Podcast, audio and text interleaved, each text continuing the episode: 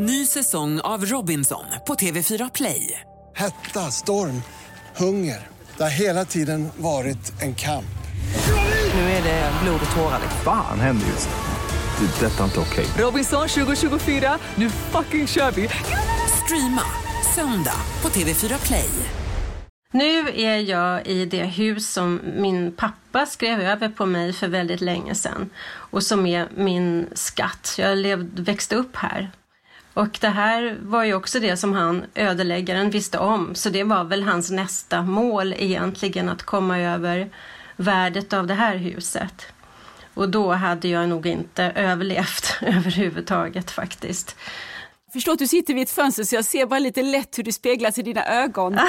det, vad har du utanför fönstret?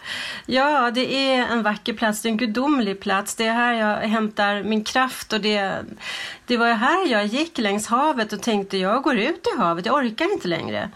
Men då kände jag att havet sa nej, det ska du inte göra. Du, har ju, du älskar havet här och den här platsen, här ska du inte göra någonting sånt. Och det var ju någonstans där som jag började vända.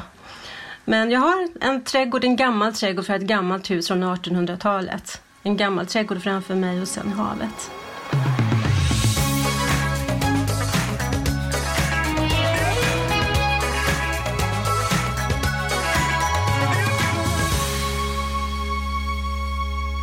Hej! Sommaren fortsätter här i Pocketpodden med mig, Lisa Tallroth.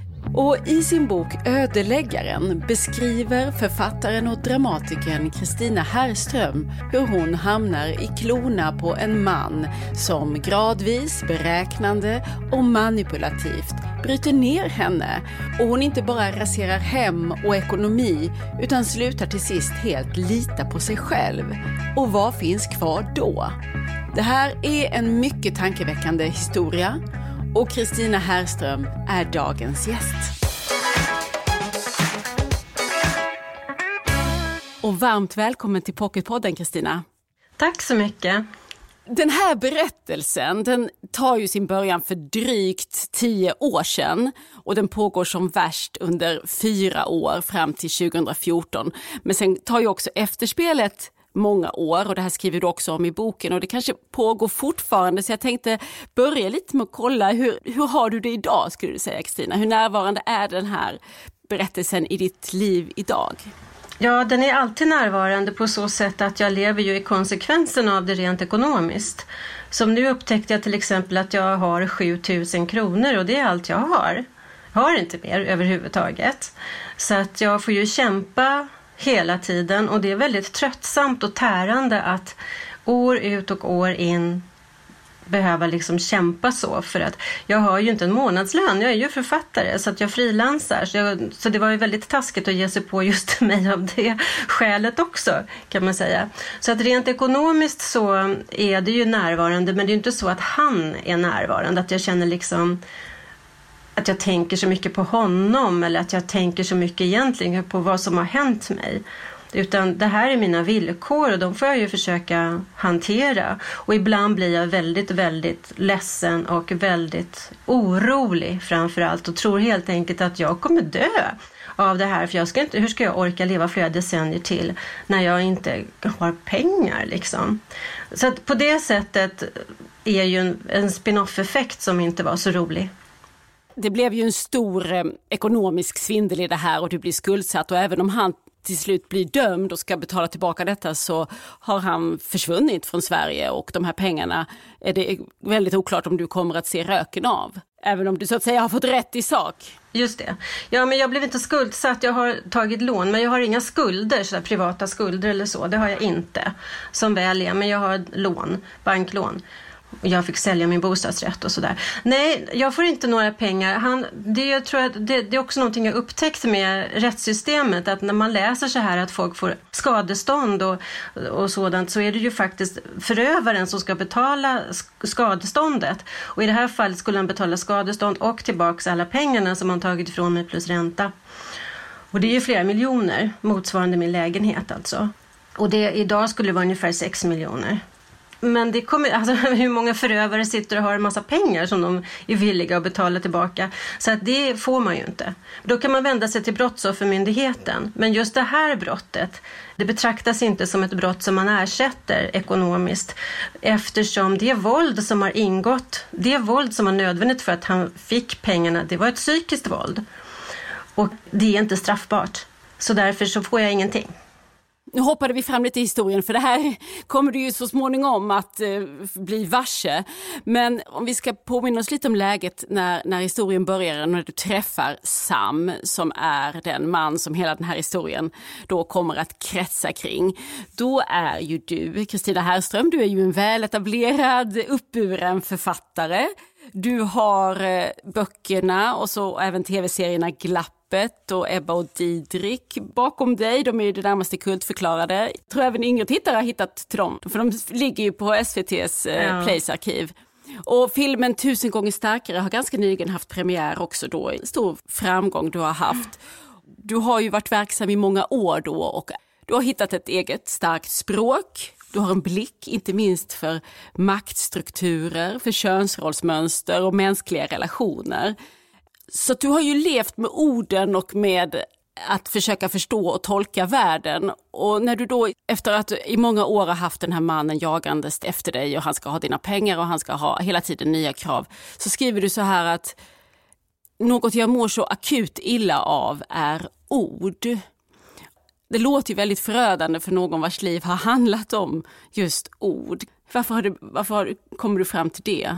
Att du inte står ut med orden? Ja, det var fruktansvärt. Men det är ju så att de här människorna, det här handlar ju om en, en man som är psykopat, det vill säga han saknar eh, empati och eh, är mycket manipulativ. Och han pratade oavbrutet kan man säga. Han pratade sönder min hjärna. Och han kom med olika typer av information och det ena med det andra. Allt det här, alla de här orden som han liksom tryckte in i min hjärna, alla ord som bara snurrat runt i min hjärna under de här åren, också mina egna ord, där jag liksom försökt förstå och försökt analysera och försökt liksom se eh, konsekvenserna av det han säger och så vidare.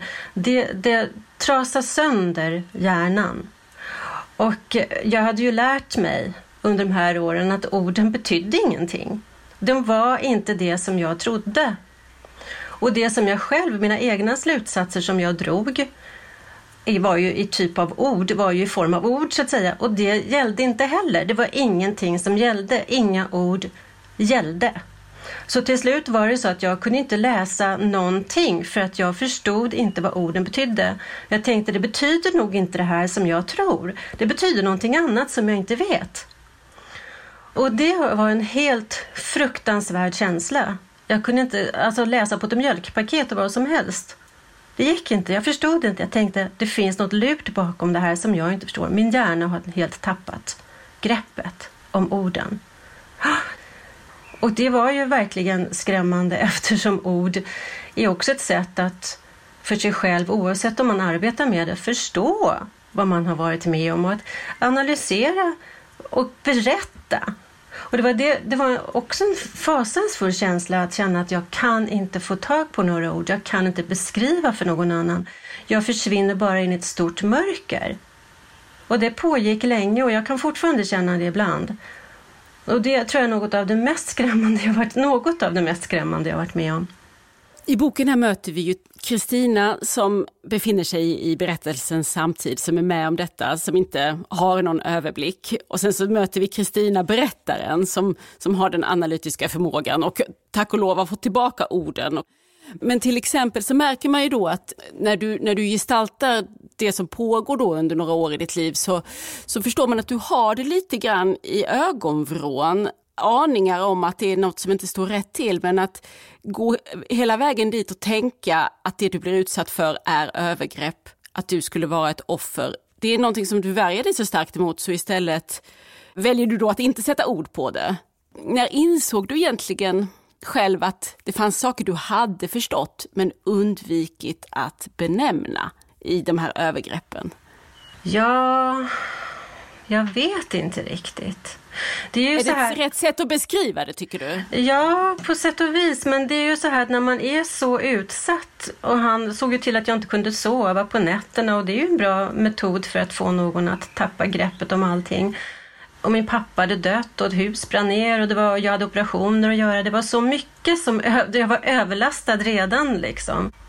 Man har hamnat i en situation om man är utsatt för en sån här person som är så man kan inte orientera sig i det, man förstår inte vad som pågår. Ena stunden verkar saker bra, andra stunden är det ohyggligt konstigt och fel och oroande på alla sätt. Det fanns också som sagt hot av olika slag inblandat och så. Och det är ju inte, ingår ju inte i min självbild. Det är ju en del av det hela, att det ingår ju liksom inte i ens självbild att man ska vara utsatt för det här och inte kunna hantera det. Så det är en del. Men också detta att man, nuet är så starkt. Det finns ingenting utanför nuet. Nästa nu kan komma med någon katastrof, för det var ju det han gjorde. Eller så kommer allting bli bra i nästa nu som han levererar. Så att därför så kan man inte heller tänka så bra i flera dimensioner. Liksom. Jag var inte riktigt medveten om att jag var utsatt för ett övergrepp, för jag hade, min, jag hade inte tid att förstå det. Men såklart att någonstans inom mig så var jag ju det. Jag var ju liksom negativt inställd till honom från början. Och det är också en väldigt skrämmande känsla att jag är van vid att vara mycket ärlig mot mig själv och mot andra och att plötsligt då undvika något som kändes så brännande och var så nära men jag var så rädd också att om jag skulle förstå, om jag skulle konfrontera honom eller liksom säga att det här alltihop är, jag tror att du lurar mig, det här är lögn. Om jag skulle komma med någonting sånt som fanns i vissa ögonblick, då skulle han ju straffa mig. Och, och det här straffet hade han ju på olika sätt beskrivit hur det skulle kunna vara. Vad kunde det vara? Ja, men det skulle kunna vara så. Det här var ju rätt så långt fram när han hade fått mig att låna en massa pengar för att hjälpa honom och hans son handlar det ju om. Och vilket han ju lyckades med under den tiden jag var i akut sorg efter min pappa som plötsligt hade dött. Det var då han slog klorna i mig och lyckades riktigt. Hur intellektuellt jag än kunde förhålla mig till honom så var det ju plötsligt upptäckte jag, men oj, jag har ju lånat honom massa pengar. På något sätt hade det bara hänt, mer eller mindre. Och där, att aldrig få tillbaka dem, behålla hans lojalitet så att jag får tillbaka pengarna. Alltså det var så, förstår du? Att det till slut inte spelade någon roll vad du hade förstått och inte för du var liksom fast i nätet ändå. Uh. Och, och, Det är inte så lätt alltid att bestämma startpunkten för en händelse men ett i alla fall som jag tänker väldigt avgörande ögonblick i den här berättelsen det är den där sommardagen, eh, det 2010 när han står utanför din dörr utanför din lägenhetsdörr och han har just sin lille son i handen, en pojke som bara är i sexårsåldern, något sånt. Mm. Och eh, du vet ju inte då att det här är ett avgörande ögonblick, men då har ni bara hunnit lära känna varandra genom eh, kyrkan och en kör där du är med. Och ni har hunnit ha några ganska förtroliga samtal, men egentligen inte så mycket mer än så. Han var en väldigt ny bekant. Men nu plötsligt ringer han på din dörr och eh, kan du berätta om den här händelsen som jag tänker blir ett startskott ändå? Ja, han hade ju beskrivit för mig vilken tragedi han levde i. Att han levde här i Sverige för att han kämpade för sin son. Och modern var eh, psykiskt labil och misshandlade pojken psykiskt på olika sätt. Men han var inte betrodd att ha vårdnaden om pojken. Men han kände då att jag måste ju vara här i Sverige och vakta detta barn så att han kan växa upp något sånär bra. Och så han hade pojken varannan vecka, och så skulle, eller varannan helg och så skulle han ha honom halva sommaren. Så det här visste jag ju och det var ju ganska smärtsamma historier som han grät till och så, som faktiskt grep mig också att en sån här situation kunde finnas. Och det här stackars barnet som jag hade lärt känna lite grann också. Men nu stod han utanför min dörr och sa att, ja, att han inte hade någonstans att bo. Sommarlovet började och eh, han skulle ha pojken halva sommarlovet. Han hade blivit lånad, lovad en lägenhet som någon hade lurat honom på. Det var dessutom en präst så han som hade lurat honom för han, man kunde inte lita på någon. Och eh, han frågade då, han visste att jag skulle vara borta över sommaren. Så frågade han om han kunde få bo hos mig över sommaren. För annars skulle pojkens mamma genast få reda på att han inte hade ett fast ställe att bo på. Han skulle då förlora den sista vårdnaden om pojken.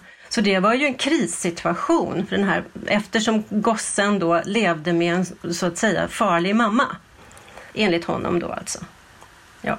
Och då släppte jag in dem. Ja, för vad, hur tänker du då när du står inför den här pappan och hans son? Oh, Gud. Ja, jag han stod, de stod där och så, så fruktansvärt sorgsna ut och vädjande och hade en liten tunn plastpåse liksom i handen som tydligen skulle vara deras ägodelar. Jag, alltså jag tänkte bara så här, jag vill inte, jag vill inte ha den här mannen i mitt hem. Men han var ju förankrad i Allhelgonakyrkan som körledare och väldigt uppskattad där, vad jag hade förstått, av alla prästerna som hoppar runt honom. Så att jag tänkte, han är ju, det måste ju vara en bra person ändå. Och han kämpar för sin pojke.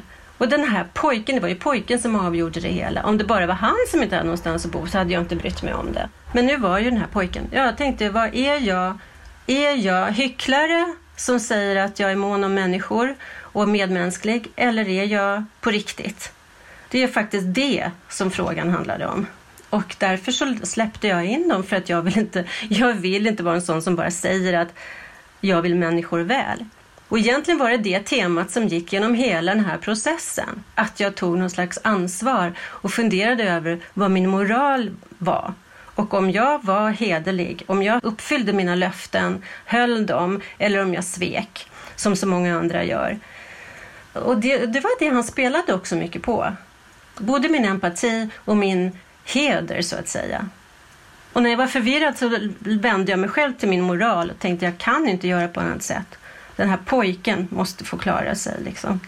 Ja, det är knäppt. Och det är en slags orienteringspunkt som du har genom den här berättelsen, att, att ändå försöka göra det som är det rätta i din värld. Och det, nu säger du att det är knäppt. Har du omprövat den här tanken? Ja, för min del, jag vet inte riktigt. Jag tänker nog, jag vet ju att det här handlar om en psykopatisk person det är ungefär 2 procent, mm, säger forskningen, som är det. Så det är två av hundra. Det kan vara lite fler. I vanliga fall så är ju inte människor på det här sättet men om man råkar ut för en sån här person ska man springa så långt man bara kan. Så fort man anar att det är så här. Men man måste ju också veta, lite, ha lite kunskap om såna här personer för att kunna göra det. Och den kunskapen existerar inte så väl i samhället. Men i övrigt så har jag tänkt så här, ja, har jag blivit cynisk eller har jag blivit, nej, det tror jag inte riktigt att jag har. Men jag skulle ju inte släppa in någon och det var ju inte riktigt vad jag tyckte då heller, men jag bara kände att jag måste ju det för barnets skull. Men nej, jag vet inte om det har påverkat mig egentligen. Jag, det, jag, det här är ju ett speciellt med det här, mannen. För sen, eh, sen får du ju inte ut honom. Men jag har tänkt på det där, sådana här historier om psykopater eller människor med psykopatiska drag, mytomaner, det är han ju definitivt. Då och då hör vi ju talas om dem i tidningarna sådär, bedragare, svindlare. Och det ligger ju liksom alltid lite som en skugga av obegriplighet kring de här händelserna. Hur kunde det bli så här? Hur lyckades de luras av någon så mycket pengar eller så mycket? Och i ert fall var det ju inte någon kärleksrelation som du började med. Det är ju en typ av bedragare som, som ägnar sig åt det, utan det var ju mer utifrån att du skulle hjälpa honom.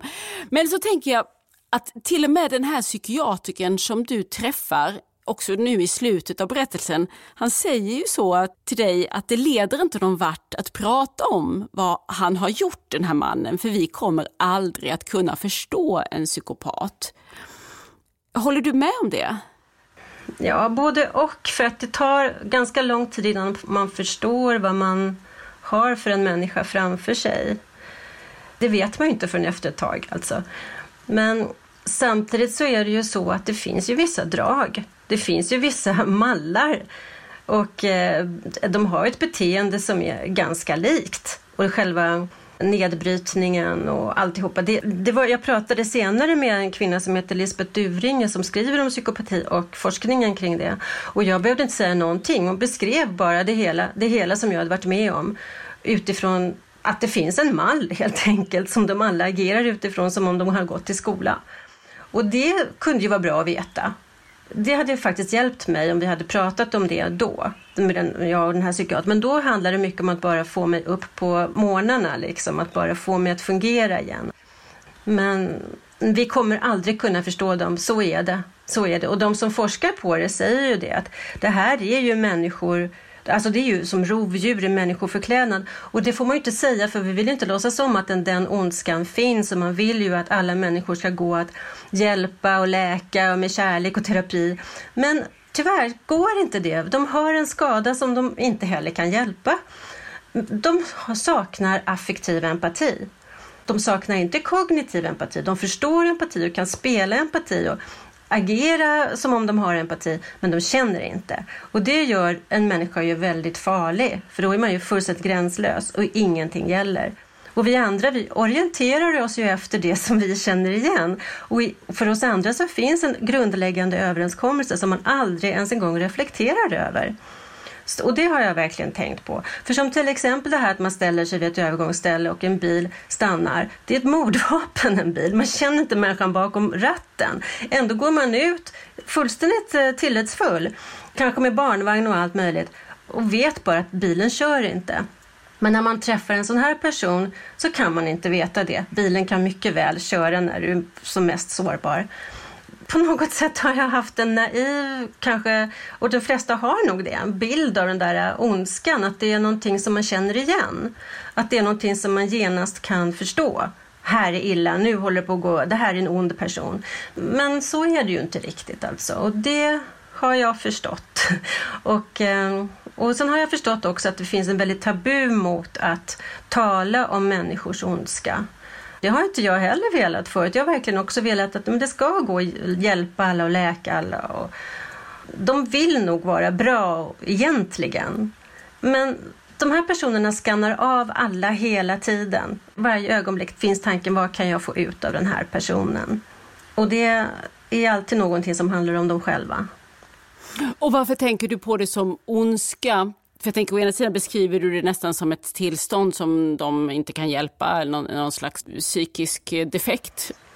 Ja, ondska låter ju mer aktivt, liksom, att man vill illa.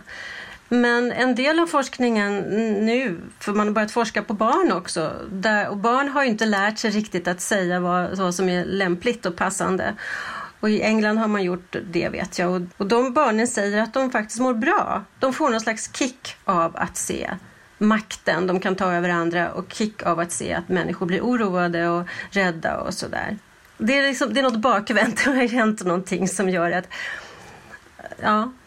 Mm. Jag tyckte det var intressant, du kanske varit inne på det tidigare, men det här en sak som du skrev på din blogg, du har en blogg där du också utvecklar en del av tankarna mm. kring den här berättelsen. Och då skrev du att du gärna ville förtydliga att, här, att skuld och skam faktiskt inte har varit de centrala känslorna i den här upplevelsen. Något som många kanske tar för givet att det var för att du skämdes så mycket för att detta hände dig som du inte kunde berätta. Men eh, det var inte så. Nej, jag tror att det där är verkligen någonting som, när man inte har varit med om liknande saker, så tror jag att det kommer som ett brev på posten. Det kommer automatiskt när folk pratar om det här, att, att de här offren känner skuld och skam. Och precis som du säger, att det är därför man är kvar och därför man tiger. Det är inte så.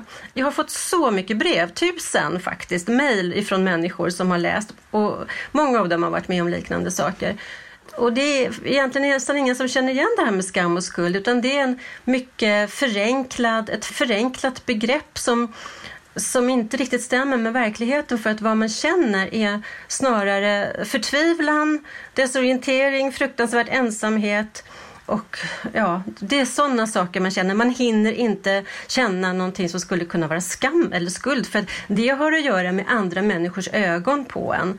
Och de tänker man inte på när man är med i det här, i, i en sån här sak. För det finns inte den tiden. Energin hand, handlar inte om det liksom. Och sen, men sen när man kommer, kommer ut ur det så kan man ju märka att andra människor projicerar skam och skuld på en som att man borde skämmas. Fast jag anser ju inte att, hur ska man kunna skämmas? Jag förstår inte det rent logiskt över att ha blivit utsatt för övergrepp av något slag, psykiskt eller fysiskt, vad det nu är. Men det här psykiska våldet är ju fortfarande så osynligt för många människor och obegripligt och man tror att det är en speciell typ av människor som råkar ut för det. Det är alltså men, offrets eget fel så att säga, i hög grad. Du sa innan, och du resonerar också i boken kring det här att det inte ingick i din självbild att du skulle vara ett offer. Mm. Hade det hjälpt dig om du hade kunnat erkänna för dig själv att du var ett offer eller om du hade kunnat sätta det ordet på dig själv apropå att inte vilja benämna saker. Hade, ja. det, hade det hjälpt? Ja, absolut. Det finns, apropå skam och sådär, så finns det något avgörande i början. Det är när jag själv kände att jag inte fick ut honom alldeles i början, innan min pappa hade dött och innan han hade börjat låna pengar av mig. Att jag bara kände att jag får inte ut den här mannen ur mitt hem. Och han slingrade sig och han hittade på olika saker. Han vägrade flytta och så vidare. Och allt det där, där kände jag skam. För där kände jag skam inför mig själv. Inte, inte i första hand mot andra utan inför mig själv att jag inte klarade detta. Jag ska ju ändå vara en stark och självständig kvinna. Jag har liksom levt själv i många år och aldrig hamnat i någonting i närheten av detta. Och så klarade jag inte det här. Jag klarade inte av den här mannen.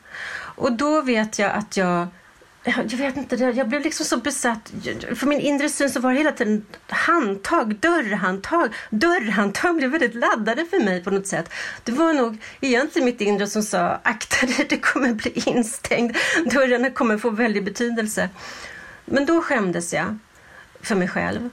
Och för att jag inte kunde erkänna mig själv som hjälplös jag, jag, kunde inte förmå mig att be någon om hjälp. Jag borde, jag, alltså min familj, jag hade bara kunnat vända mig till dem och säga jag får inte ut honom. Men jag kände mig, vad är jag för en mes? På något sätt. Så ja, den här bilden av att man alltid ska vara stark och självständig och klara av allting själv. Och för kvinnors del ska man ju alltid klara av män, annars är man ju supermesig. Det är faktiskt lite farligt. Det kan vara farligt. Det är alla de här idéerna som vi har om oss själva som faktiskt kan hjälpa till att snärja oss när vi hamnar fel. Du får ju till slut kontakt med författaren i dig, även om du famlar vilse i eh, tillvaron under många år. Fast du skriver, du, du, jobbar ju också på några romaner som, det är en ganska lång tidsperiod i slutändan som det kommer att handla om. Så det, du har skrivit eh, Tionde våningen till exempel var en roman som kom mm också under den här tiden. Men eh, jag tänkte på eh, när du kommer fram till att du ska berätta den här historien, att du ska skriva om den. Hur går dina tankar då? Hur ska du liksom attackera det här? Ja, det var det stora och svåra. För det första var det ju så att jag visste att jag skulle skriva det och det var inte för min egen skull utan det var verkligen för att beskriva, försöka beskriva just det här obegripliga som man läser om ibland och talas om. Hur går det till? Hur kan det vara? Det måste ju vara Alltså de här som råkar ut för det måste ju vara helt dumma i huvudet ungefär. Alltså någonstans känner man ju så. Så jag tänkte det här, jag har så mycket material mejl och dagböcker, 23 stycken. Och jag är författare, så jag måste beskriva det här för andra för att lyfta lite på locket, lyfta bort den här konstiga skammen och bidra med lite kunskap kring hur sånt här går till. Och hur hemskt det är, vilket våld det faktiskt är. Och det är inga lätta saker. Men att, att, skriva det, närma mig det så, det var jätte jättejobbigt. Jag hade det framför mig som en klump i alla de här åren innan jag började. Jag började när, han, när domen vann laga kraft. Då kände jag att nu, nu kan jag börja. Och eh, jag fick helt enkelt analysera förstås. Då var jag ju förstås författarrocken. Jag analyserade hela och läste mina plågsamma dagböcker som pågick utan att jag förstod vad som hände. Nu i efterhand kunde jag läsa och se stackars mig, vad jag trodde. Jag kände liksom inte något förakt för mig själv som man skulle kunna göra, många gör när de kommer ut ur det här. Utan jag såg kampen och det är den här kampen som alla bedriver som är utsatta för sånt här. Eh, men jag hade skrivit ner den så jag såg den sen bara stor ödmjukhet inför mig själv och respekt för den stackars kvinnan som försökte förstå och kämpa och gjorde allt för att vara klar i huvudet och, och ta de klokaste besluten men ändå vara så, var så lurad från första stund. Det är obegripligt att förstå att en människa kan ljuga en så upp i ögonen och gråta och allt vad han gjorde. Men dag ut och dag in. Men, men eh, det var en analys jag fick göra helt enkelt. Och det var ju ganska intressant. Det var spännande. Jag upptäckte, jag upptäckte situationer som jag liksom fortfarande flera år senare tänkte, ja men det här var väl ändå sant, det han sa. Så upptäckte jag, nej, inte det heller. Jag kunde liksom plocka isär en del av honom där och mig själv också förstås. Men sen när det hela var gjort så fick jag återigen klä det hela i, i, i drama så att säga. För att min idé var ju, jag hade kunnat skriva boken så, så här analytiskt liksom, men då hade det ju varit mer som en lärobok. Det hade inte varit roligt. Jag vill ju fånga människor som ska förstå det så att jag var ju tvungen att skriva det så att den här Kristina vet inte vad som ska hända. Men läsaren vet vad som ska hända. Det förstår man redan på rubriken.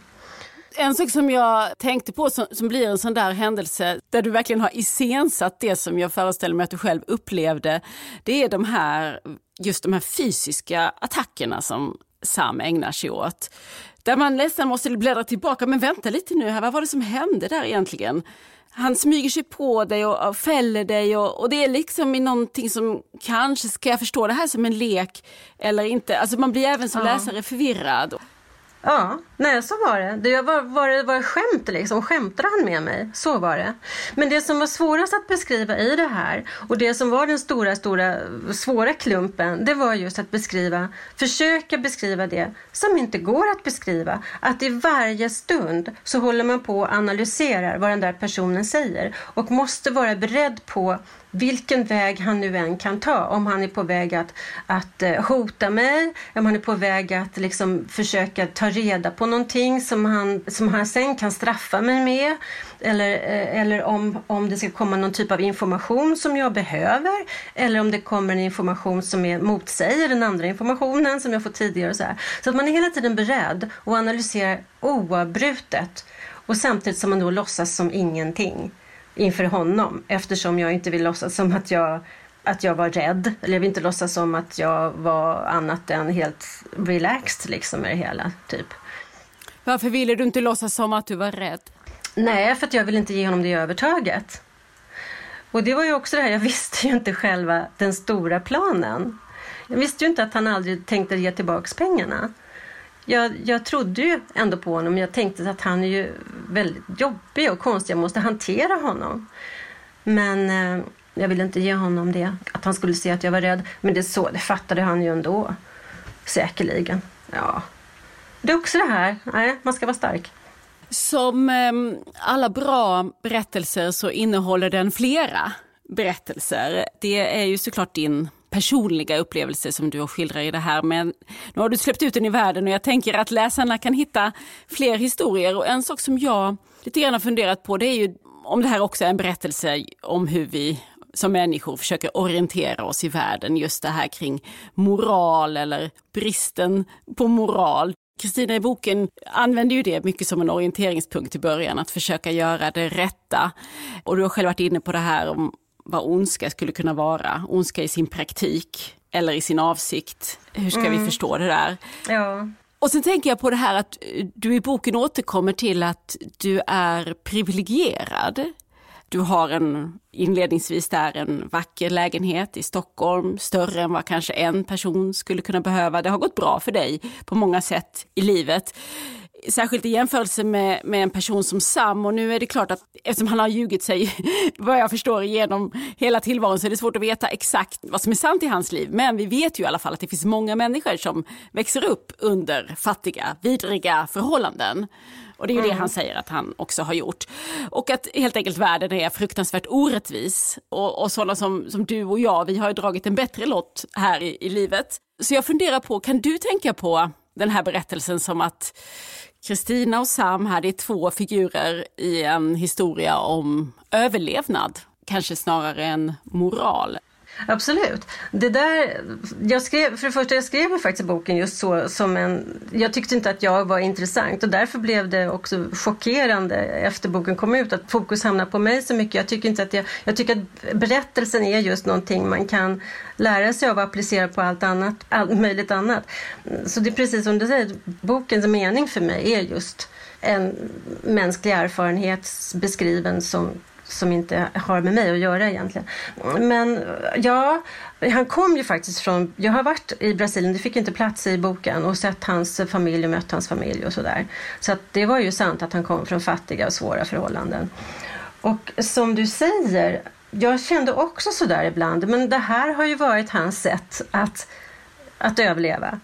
Han lärde sig säkert väldigt tidigt, en charmerande pojke, för, för de här dragen behöver ju inte utvecklas en charmerande pojke som kunde sjunga bra och som kunde ta sig fram genom att byta lite skepnad, vara den som för tillfället är gångbar.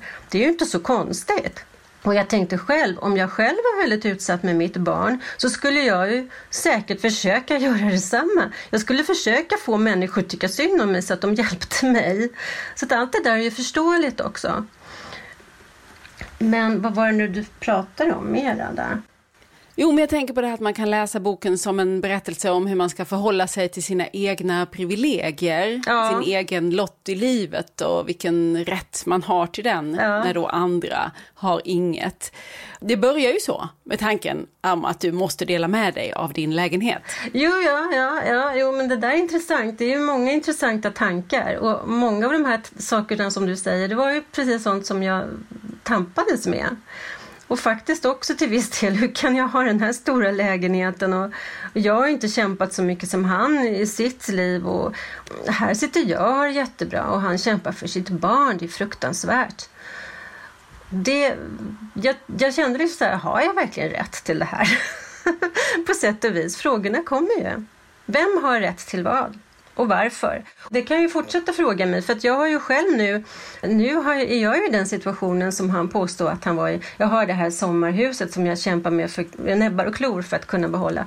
Men så att på det sättet är jag ju fortfarande privilegierat. Men just det här att ändå inte ha, jag är väldigt ute på lös kant så att säga i samhället, ramlat på något vis. Och, och, och, samhället har visserligen dömt honom men sen inte, hjälper inte offret som jag då är att klara sig vidare. Vilket ju egentligen borde kosta samhället mer många gånger att inte hjälpa offren. Men eh, nu är det ju så att jag tänker varför, varför har jag hamnat i det här? Jag har skrivit en massa vettiga saker som varit betydelsefulla för människor. Nu sitter jag här och har liksom bara, har jag råd att köpa tomater? Liksom? Så det finns inte något värde i att tänka vem, alltså vem har rätt till vad. Det, är det ser ut så här. Människolivet är kaos.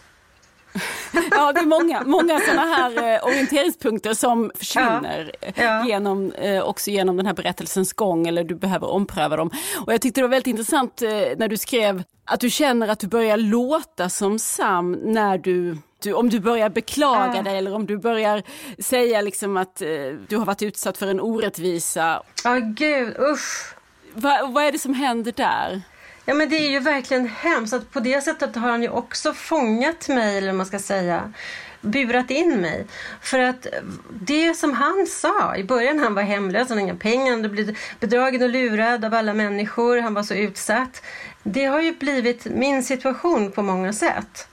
Och eh, då när jag har just försökt kanske prata lite grann om det, då är det ju som ett eko av hans ord och vad han har sagt. Och jag mår ju illa av det. Alltså jag får ju panik, jag får nästan ångest av det.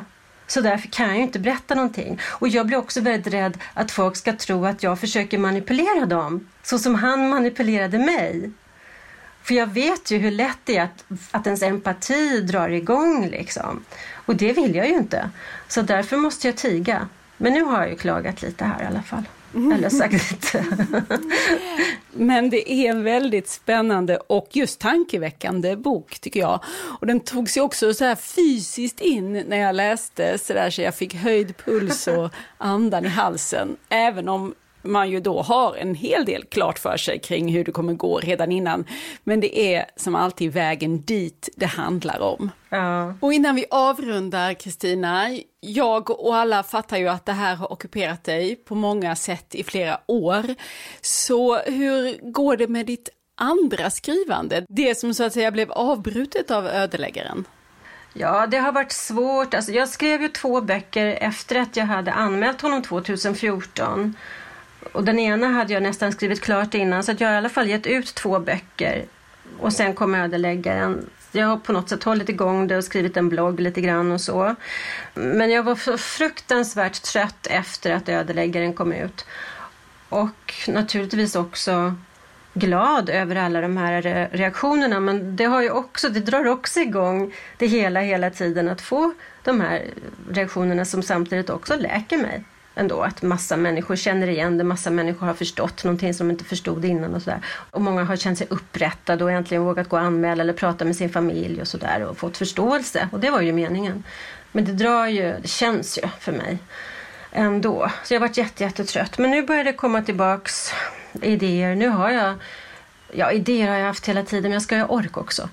Eh, nu har jag i alla fall idé på faktiskt någonting som skulle kunna bli tre böcker, tre delar. Som jag bara tänker skriva på lust. Inget sånt där allvarligt budskap. Så att, nej, orden finns kvar som väl är. Jag har fått tillbaks dem. Det är jag jätteglad för. Ja, tack. Tusen tack Kristina Herrström för att jag fick prata med dig. Tack. Om boken Ödeläggaren som nu dessutom finns i pocket. Du har säkert hört ryktet att Pocketpodden byter namn nu i augusti till Samtal om böcker. Och så blir det från den 20 augusti. Men nästa vecka är det precis som vanligt och Pocketpodden gästas av Pernilla Eriksson. I hennes roman 300 grader ligger det stickande brandrök i luften och det är med klimatkrisens torka och storbränder som fond som polisen Lillehed försöker lösa det som ser ut att vara ett mönster av mordbränder. Pernilla Eriksson nästa vecka här i Pocketpodden alltså. Och sen är det då från den 20 augusti som vi rullar vidare, ja i ungefär samma goda stil, kanske till och med lite bättre, med namnet Samtal om böcker. Och jag heter Lisa Tallroth. Hej så länge! Du har lyssnat på Pocketpodden. En podd från Bonnierförlagen.